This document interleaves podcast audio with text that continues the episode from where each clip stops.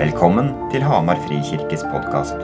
Vår visjon er å følge Jesus, dele evangeliet, samle generasjonene og bygge nye fellesskap. Les mer om oss på hamarfrikirke.no. Her er talen fra søndagens gudstjeneste. Ehm, Vi skal gå rett på bibelteksten. Så Hvis du har en bibel med deg, så vil jeg at du skal slå opp i Lukas eh, kapittel 14. Hvis du ikke har en bibel, så vil jeg at du skal ta frem mobilen din eller et eller annet. Ellers kan du lukke inn leser. Men eh, ta en bibelapp eller få det, få det frem selv. Liker jeg. Så kan vi på en måte se det selv. Og da er det også lettere å komme tilbake til teksten i ettertid. Eh, Så vi skal snakke om dette som sagt, som Anders sa, bærekraftig etterfølgelse. Eh, Dette er siste. Vi skal lande den eh, taleserien her i dag før vi går inn i advent neste, neste søndag og inn i kirkeårets tekster. Eh, en tekst, Det her har vært en taleserie som jeg også har, det har vært viktig for meg. eh, og det å komme tilbake til. Og så en tekst som jeg, som jeg tenker på i Bibelen, i forhold til det her, er når Jesus sier noe som ikke er egentlig typisk Jesus. Eh, men han sier eh, før du går og tar et bilde av, før man går inn i krigen, så teller man opp har jeg styrke nok til å vinne det slaget her. Og hvis jeg ikke har styrke nok, hvis jeg ikke har nok folk, så sender vi av gårde en budbringer og sier vi gir oss, vi overgir oss. Eh, du klarer ikke fullføre det. Eh, og det er et som stikker i meg litt. Eller bare er vi Lever vi et liv eh, som kristne, vi som tror på Han? Eh, har kalt å leve et liv som varer. Eh, og det å faktisk sette oss ned, kan vi, er vi villige til eh, å betale eh, det det koster? For det koster. Og når jeg skulle finne den teksten, så sto det inn i en lengre tekst som vi skal lese nå, med overskriften i min bibel 'Hva det koster å være en disippel'. Hva det koster å være en som følger etter Jesus. Og det her er noen av de tekstene som kanskje jeg har syntes har vært vanskeligst, og spesielt etter jeg selv danna meg familie og, og må tenke prioriteringer i eget liv. Så jeg vil at vi skal lese den, og så skal vi kjempe med den teksten her sammen litt nå eh, i dag. Eh, så Lukas kapittel 14, eh, og så leser vi fra 25. Først sier jeg bare takk, gode far, for at du har gitt oss livet. Du har gitt oss alt. Eh, alt er ditt. Takk for at du har gitt oss ditt ord. Takk for at du kom som menneske eh, og snakka og ga oss helt konkrete ord og handlinger eh, som viser hvem du er. Så ber jeg om at vi skal la oss både forme og påvirke og dras nærmere av deg, nærmere deg av ordene du har gitt oss. Kom med fred, kom med åpenhet. Og må ordene her ikke gjøre oss dytte oss bort fra deg, men gjøre oss mer og mer avhengige og skjønne at vi trenger deg, far. Amen. Eh, Lukas 14, 25. Store folkeskarer fulgte med Jesus, og han vendte seg, til, om, se, vendte seg til dem og sa.: Om noen kommer til meg og ikke setter dette høyere enn far og mor, kone og barn, brødre og søstre, ja, høyere enn sitt eget liv, kan han ikke være min disippel. Den som ikke bærer sitt kors og følger etter meg, kan ikke være min disippel. Dersom en av dere vil bygge et tårn, setter han seg ikke da først ned og regner ut hva det vil koste, for å se om han har penger nok til å fullføre det. For har han lagt grunnmuren, men ikke makter å gjøre tårnet ferdig, da vil alle som ser det, gjøre narr av ham og si:" Denne mannen begynte å bygge, men klarte ikke fullføre det. Eller, som en konge vil dra i, eller om en konge vil dra i krig mot en annen konge, setter han seg ikke da først ned og tenker over om han, med sine 10 000 mann er sterk nok til å møte den andre som kommer mot ham med 20 000? Og er han ikke det, sender han menn av sted for å be om fred, mens fienden ennå er langt borte. Slik er det altså. Ingen av dere kan være min disippel uten å gi avkall på alt han eier. Slik er det altså. Ingen av dere kan være min disippel uten å gi avkall på alt han eier.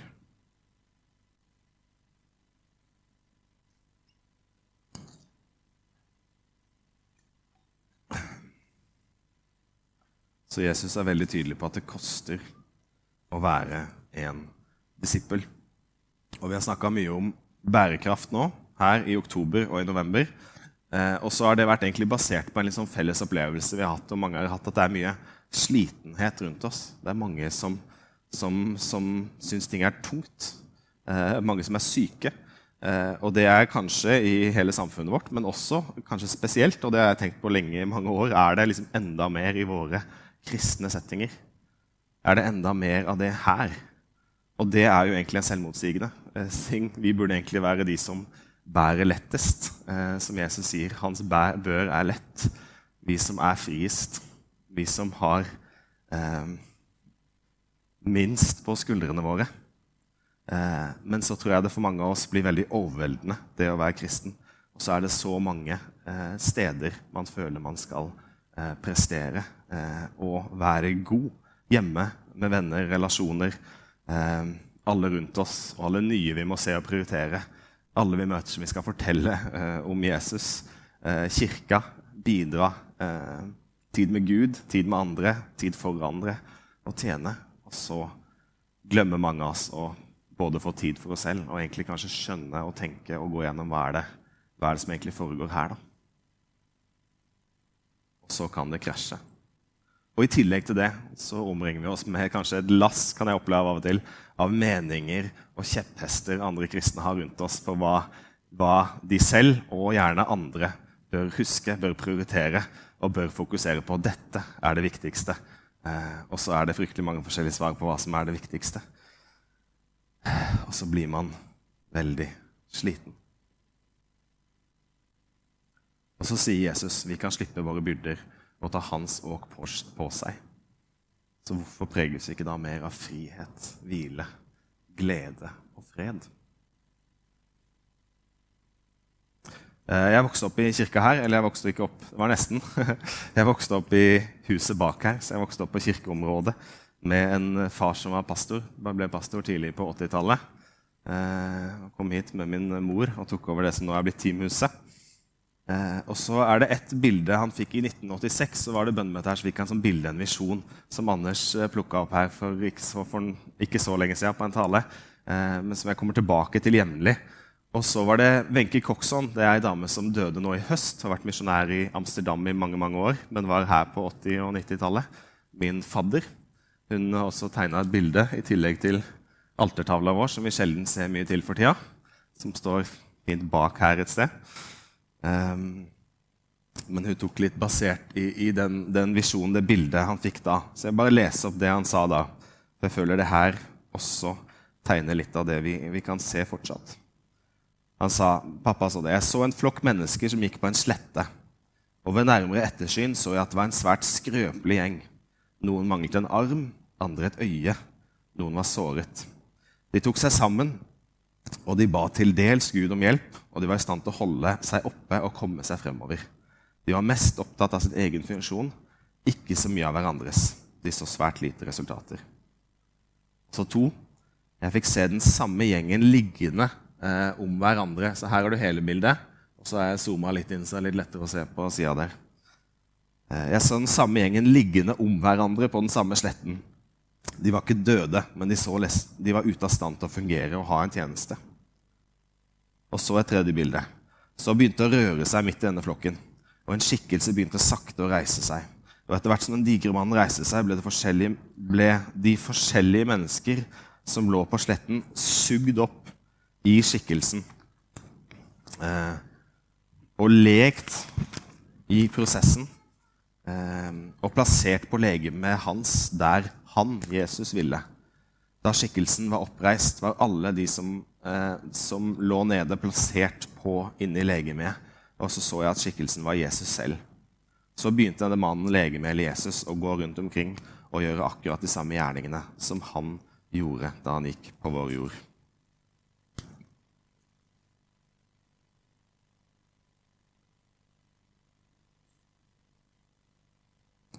Så det her var snart uh, eh, 40 år sia. Du kan la den være på litt, uh, Ruben. Um, og Mye har skjedd på den tida, men samtidig er den utfordringen og det bildet tror jeg fortsatt er veldig veldig relevant og egentlig går litt i kjernen av hva han kaller oss som kristne og som kirke til å være. Det er blitt nevnt litt i serien her òg. Gud kaller oss, og det er mange ting det vil si å være en kristen, men han ikke, han kaller ikke deg aleine til å gjøre det her. Han kaller oss sammen som kirke til å gjøre det her sammen. Um, men det er en del utfordrende tekster, og sånn som det her. Gi avkall på alt. Gi avkall på far, mor, søsken, bror, eh, kone og barn eh, for å følge meg. Hva betyr egentlig det? Og så er det kanskje sånne tekster som river i oss, og som gjør at vi, vi, sliter. Og så blir det vanskelig, og så går vi på kompromiss med oss selv. Eller hva er det som foregår her? Og så blir vi dratt. Så vi skal gå litt tilbake til Bibelen nå og, og, se på det. Hva, hva, står det egentlig? Hvordan kan vi kjempe med det her? Eh, og har vi egentlig forstått evangeliet? Eh, er det jeg som prøver å bære, eller er det Gud som bærer? Eh, og så spørsmålet hvordan kan vi bli mennesker som bærer lett? Som lar oss bære av Gud? eh, som ikke fordømmer, eh, men lar Gud ta ansvaret for det. Som ikke er frustrert over andre, men heller kan fokusere på oss selv eh, og Gud. Og som bærer det han kaller oss til. De som er satt rundt oss, ikke alt eh, og alle. Men tenker her og nå, der jeg er. Hva er det Gud kaller meg til? Og så vil jeg også si, litt i forberedelsen nå, så hørte jeg også en tale av Jarle Skullerud han er synodeformann i Frikirka. Så jeg bare tenker, Når du hører de her talene, og hvis du hører en sånn her tale og det bare høres massivt ut, eller du er nede og ting er down, så snakka han om en tale. Han, han, talte, han, han, hadde en periode nå i vår, ganske ferskt, hvor han var helt nede. Eh, lå og sov i flere uker og håpte han ikke kom til å våkne opp eh, i lange perioder. Så han veldig, og det snakker han om i den talen her nå, som han hadde i østsida av Frikirke Kristiansand nå for noen uker siden. Hvis du søker Jarle Skullerud på Spotify, jeg skal sette ut lenker på den, eh, så kan du høre det, hvor han snakker veldig ærlig hvordan det ser ut å være å, følge Jesus når alt er mørkt. Og Da kommer han tilbake til den setningen 'Han skal vokse, og jeg skal avta'. Um, så jeg vil bare ta inn den som en anbefaling. Men hva er det Jesus egentlig kaller oss til? Hva koster det å være en disippel? En disippel det er en som følger etter Jesus, som prøver å bli lik han. Ehm, beklager. Um, uh, som prøver å være, gjøre og lære som han. Og en disippel det er ikke bare en liten utvalgt gjeng som vi kan lese om i Bibelen, men det er det han kaller alle oss som, som tror på han til å være. Vi er kalt til å være disipler. Kristne. Mennesker som ligner på Jesus som går i hans fotspor og prøver å bli lik han med hele eh, livet vårt. Eh, men hva krever han da av sine disipler? Jeg leser noe av versen igjen. Om noen kommer til meg og ikke setter dette høyere enn far, mor, kone, barn, brødre og søstre, ja, høyere enn sitt eget liv, kan han ikke være min disippel. Den som ikke bærer sitt kors og følger etter meg, kan ikke være min disippel. Eh, I originalteksten, eller hvis du har en litt eldre oversettelse, så står det 'hvis du ikke hater din far og din mor'. Eh, og når du jobber litt med det, så er det et jødisk uttrykk som egentlig handler om 'ikke elske mindre'. Så den oversettelsen her er nok mer riktig når vi skal lese det. Eh, for jeg tror ingen, og det stemmer i hvert fall ikke med resten av Bibelen, at vi er kalt å hate vår familie eller hate vår kone og barn.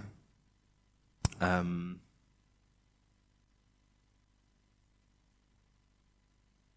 um, men han snakker om hva er det han krever av oss, uh, og har vi beregna kostnadene. Så det jeg hører er, er du ikke klar for dette, så bør du egentlig ikke følge meg. Da går du inn i en krig du er dømt til å tape. Da starter du på et byggverk du ikke klarer å fullføre. Ingen kan være min disippel uten å gi avkall på alt han eier. Men hva vil det da si å gi avkall på alt vi eier? Um, det er veldig tydelig at i Guds rike så kaller han oss til at det aller viktigste for oss skal være å følge etter Jesus. Um, og som vi husker Når vi kommer til sånne vanskelige tekster i Bibelen, så må vi huske at Bibelen tolkes av Bibelen. Da må vi se den i lys av andre ting. Og Hvis dette er en selvmotsigende eller noe vi tenker at det betyr, er på en måte selvmotsigende eller ikke stemmer med andre ting jeg leser, så må vi se det i helheten og la det tolke hverandre og forstå hva er det som egentlig sies her. Og Det betyr ikke at vi bare å ja, de snakker om noe fint et annet sted. Da dropper jeg den teksten her. Men vi må se den i lys av hverandre. Um, så det, det kan vi bare begynne med. Teksten kan ikke bety at man skal droppe sin familie. Eh, ikke lenge før, men i, et annet, i, Markus 7 så, så, reagerer Jesus veldig på fariseerne. Eh, for de nekter de som har lovt penger de er noen som har lovt penger til, til, til tempelet. Eh, og, og, så ombestemmer de seg, for de må gi pengene til sine foreldre, for de trenger å ha større behov. Uh, og så nekter fariseerne de å, å heller gi pengene til, til, familien sin. Og da reagerer Jesus veldig sterkt uh, og er tydelig på at det å ære sin far og sin mor det er prioritert, det er verdi. Gi heller pengene dit. Um, og så står det også i 1. Timoteus 3, i et av kravene til det å være eldste, eh, eldste og tilsynsmann, så er det et av de tydeligste et av de viktigste kravene er han må lede sitt eget hus på en god og hederlig måte og ha lydige barn. Dersom han ikke klarer å lede sitt eget hus, hvordan kan da omsorg for Guds menighet? Det kan ikke bety at du skal forlate familien eller droppe familien. Eh, men hva er da kjernen? Eh, hvordan kan han være viktigere for alt annet? Viktigere for oss enn alt annet, viktigere for oss enn vårt eget liv? Um, jeg sa jeg vokste opp bak her, så jeg er en 'pastor's kid', heter det på, på, engelsk. Det er nesten sånn klisjé på engelsk. Uh, det er sånne opprørske barn som er bitre på kirka og kristendom og alt. Um, fordi uh, det var kirka og Gud som tok pappa bort fra familien. Men det var heldigvis ikke min opplevelse da jeg vokste opp. Mamma, takk, eh, som sitter der. Eh, men pappa han var pastor her i 25 år, frem til 2007-2008, et eller annet der. Eh, og i den perioden så husker jeg eh, at han ble utbrent i lengre perioder, to ganger. Um, og det kosta ham alltid. Han mislikte alltid, og fortsatt, å komme opp på den scenen her og snakke. Han ville alltid helst stå bakerst eller bakerst der oppe. Eller som han gjør nå, sitte bak kamera eh, eller PC-en sin bare hjemme. Um, han likte ikke. Det kosta han mye. Men samtidig visste vi veldig godt at han brant for det her. Uh, det her var ekte. Jesus var veldig ekte for ham. Og min opplevelse var at han alltid var veldig til stede, selv om han var mye her. Vi bodde jo rett der, så det var på en måte ganske til stede uansett. Han hadde, Back in the day så var det en vegg her omtrent, og så var kontoret hans der inne. Så vi hadde lekte der inne, så kan vi alltid løpe opp, og han var tilgjengelig. Ehm, så jeg husker han var litt lost på lørdagskveldene de, de gangene han skulle tale dagen etter. Men bortsett fra det så husker jeg ikke at uh, det var så galt. Han var til stede. Um, så da tenkte jeg, og jeg er ikke pastor, jeg har prøvd å unngå å bli det, uh, men jeg har jobba i kirke her i tolv pluss år. Og så tenkte jeg jeg skal i hvert fall ikke gå i denne plastiske pastorfella hvor på en måte identiteten og tjenesten uh, blir så viktig at familien blir lidende. Og så blir barna vokser opp med en sånn dyp bitterhet mot kirka og alle de her folka som tok pappa bort fra familien. Og det er det så mange som har gjort. Gått i den fella. Det skal jeg i hvert fall ikke. Og så gifta jeg meg i august 2015. og så gikk det eh, tolv eh, måneder, så fikk vi vår førstefødte. Så det var effektivt. Um, og så ble det plutselig veldig vanskelig for meg og det har det vært en prosess lenge, det å sortere.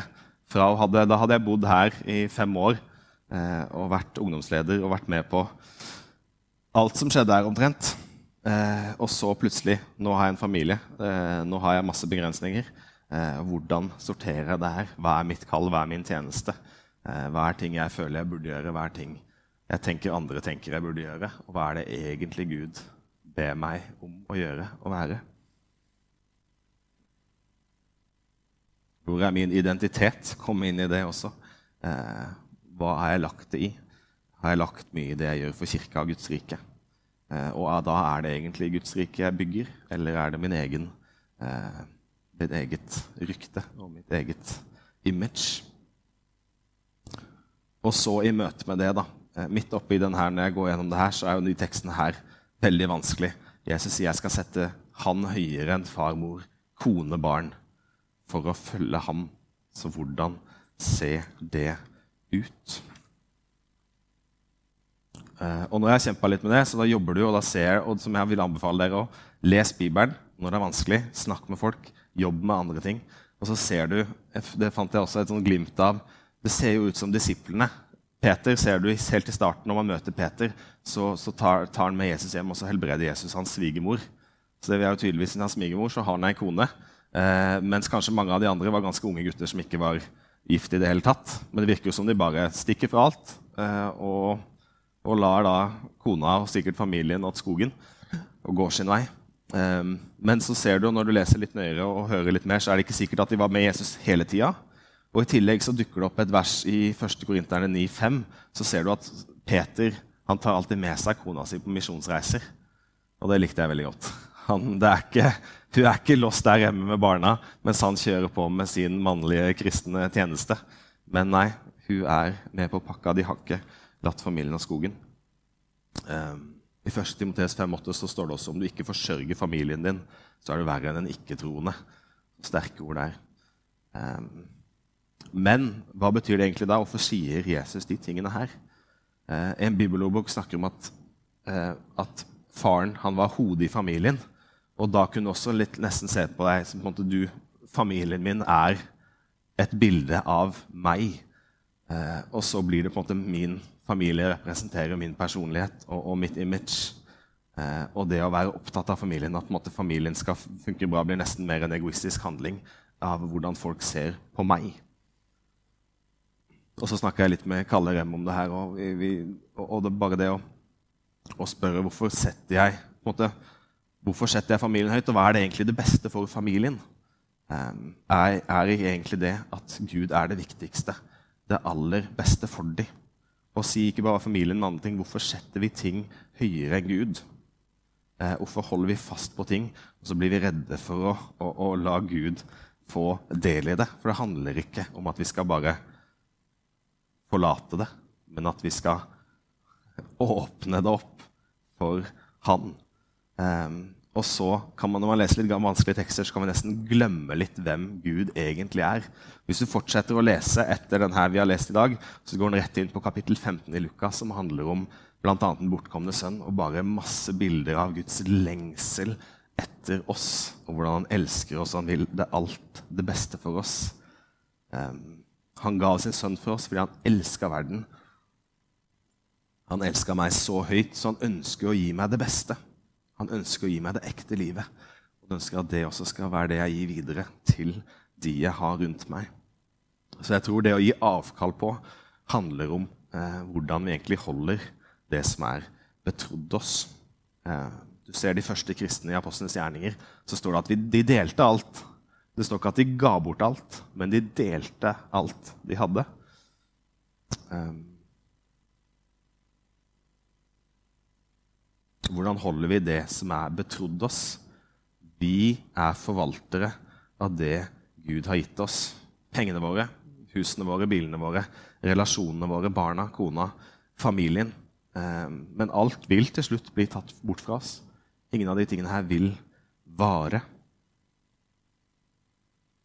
Så alt vi tenker på som vårt, alt som er ditt, det er gitt deg av Gud. Og vi er forvaltere. Det er hans. Og den grunnleggende synden både i Bibelen, i menneskeheten og i våre liv, er når vi tar det som er gitt oss, det som Gud har skapt, de gode tingene, og så holder vi fast på det, og så gjør vi det vårt eget. Istedenfor at vi setter Gud høyere eh, enn det han har gitt oss. Problemet vårt er at vi setter det skapte over skaperen.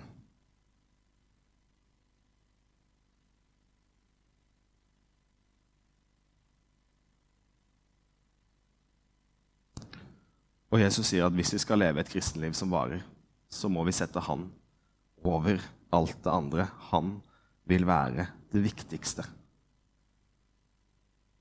Og så har du tekster som den Eh, den rike mannen som kommer til Jesus og spør ham hva skal jeg gjøre for å, for å få evig liv. Så sier Jesus eh, han får hans kjær, han er glad i han, eh, og så sier han gi bort alt du har, og kom og følg meg.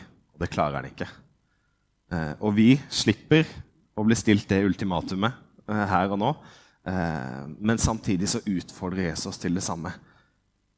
Ikke nødvendigvis Kanskje av og til. Noen av oss og i perioder blir vi kalt å gi bort og gi bort alt. Eh, og er vi villige til det?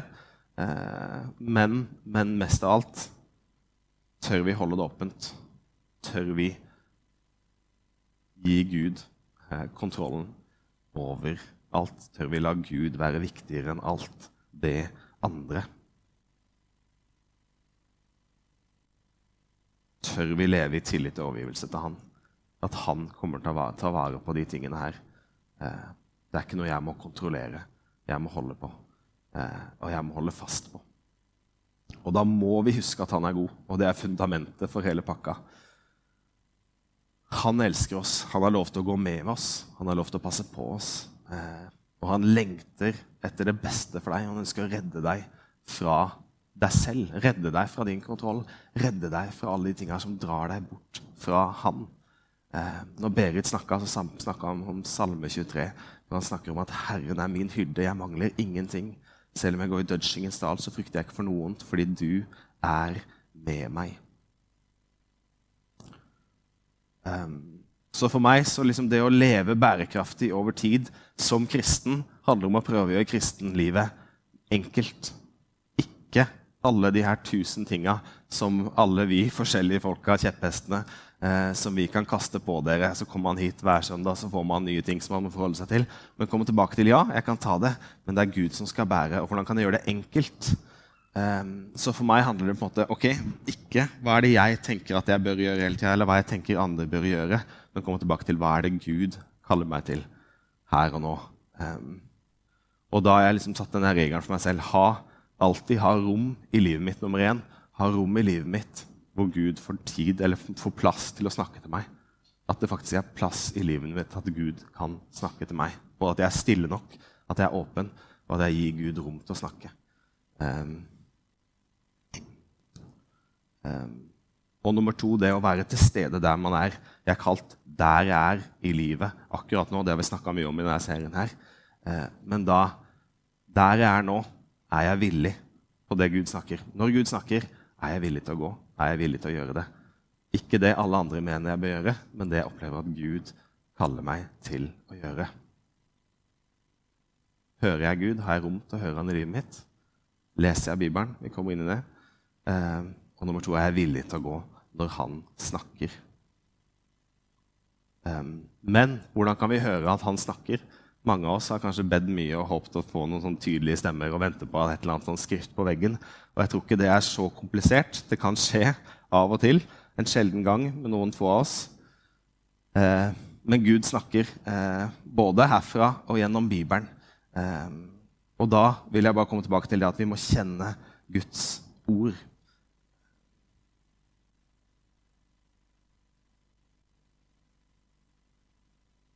Og det er noe av det jeg jobber mest med i jobben min her òg. Bare det å finne ut hvordan kan vi bare hjelpe oss å bruke Bibelen, komme tilbake til Guds ord. Og helt konkret, skal jeg bare kaste inn den nå, så har vi nå eh, kjøpt inn masse bibelleseplaner. Mange av dere har fulgt de her. Eh, dette er kirkeårets tekster eh, som, har, som, følger forskjellige tekster både gjennom hver dag og hver søndag. så er Prekenteksten ligger her inne.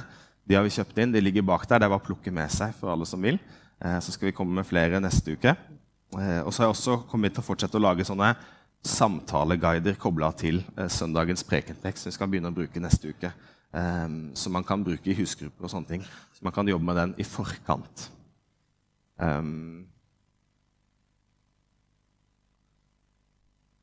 Men vi må gi Gud rom til å snakke til oss for å kunne kjenne igjen hans stemme.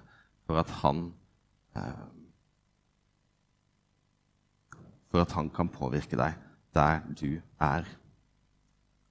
Um, så la oss komme tilbake til bare bunnen.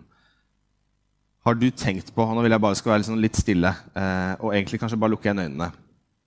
Og så bare komme tilbake til teksten. Har du tenkt på kostnadene av å følge Jesus?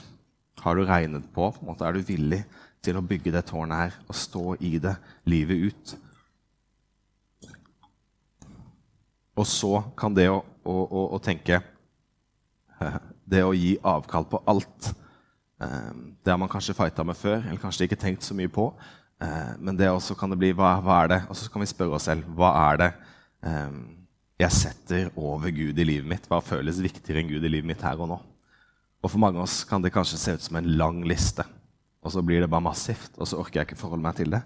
Men nå vil jeg bare at vi skal stoppe opp og så tenke liksom Nå spør vi Gud, og så spør vi er det én ting du vil utfordre meg på i dag som jeg setter høyere enn deg, som jeg kan løsne opp fingrene fra. Fjerne de knyttede nevene rundt og holde åpent. Og gi tilbake til deg, Gud, og vite at det er ditt, ikke mitt. Vi tar et minutt i stillhet, og så kan dere be den bønnen eller tenke selv. Ta opp det siste bildet, Ruben. Um, pappa, uh, når han fikk de her bildene, så hadde han noen refleksjoner etter det. Og så avslutter han med de, de ordene her, uh, tankene rundt det bildet. Svært ofte når vi ber, er ikke bønnen som ofte tidligere 'Gud, fyll meg med din kraft, styrk det svake' og lignende. Det virker som Gud er mer interessert i å løsne bunnplugger for å tømme mennesker for sitt eget driv, eget strev, egne krefter, slik at vi faller sammen og kjenner at Han bærer alt vi kan lene oss mot. At vi kan lene oss mot ham, og at han er vår kraft og vår styrke. Når dette skjer, så kommer vi inn i en sann hvile og samtidig en sann styrke. Spenningen og strevet blir borte, og hans hvile og kraft blir utløst. Så legger han på et vers hvor det står i 2. Korinterne 4,6.: Vi har denne kraft i leirkar for at det skal bli klart at den veldige kraften er fra Gud og ikke fra oss. Um,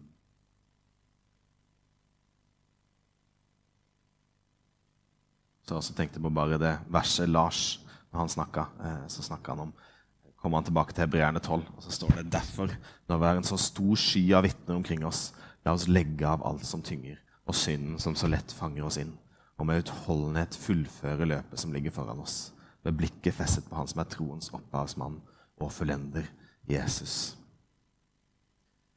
Jesus er god, og han elsker deg. Han ønsker å fri deg fra tingene som holder deg fast. Så du kan bære lett. Så du kan være fylt av hans glede, fylt av hans fred. Eh, og så blir jeg litt seriøs når jeg tenker, for det er sånne seriøse ting. Så jeg skulle gjerne hatt litt mer glede i ansiktet når jeg snakka i dag her. Men det er ja, nei, men det, for meg er, det så grunnleggende at Gud er god, og det er i bunnen. Og når vi vet det, så blir ikke det her så skummelt. Hvis du ikke har opplevd det, så føles det veldig vanskelig og veldig skummelt. Så gode far, takk for at du er god, og må du åpenbare bare vise det inn i hjertene til alle oss her. Eh, la oss få kjenne deg. La oss bli kjent med deg. Så din godhet, din trygghet, din fred blir noe trygt og godt som vi veit at vi kan lene oss tilbake i. Så det å stole på deg ikke blir vanskelig i det hele tatt. Fordi vi kjenner deg jo. Du er jo god. Det er ikke farlig. Det er ikke farlig å gi opp eh, alt det vi holder fast. Det er ikke farlig å gi deg mer rom. Det vil kanskje koste oss, men det er ikke farlig, for du vet best. Det er det beste for oss.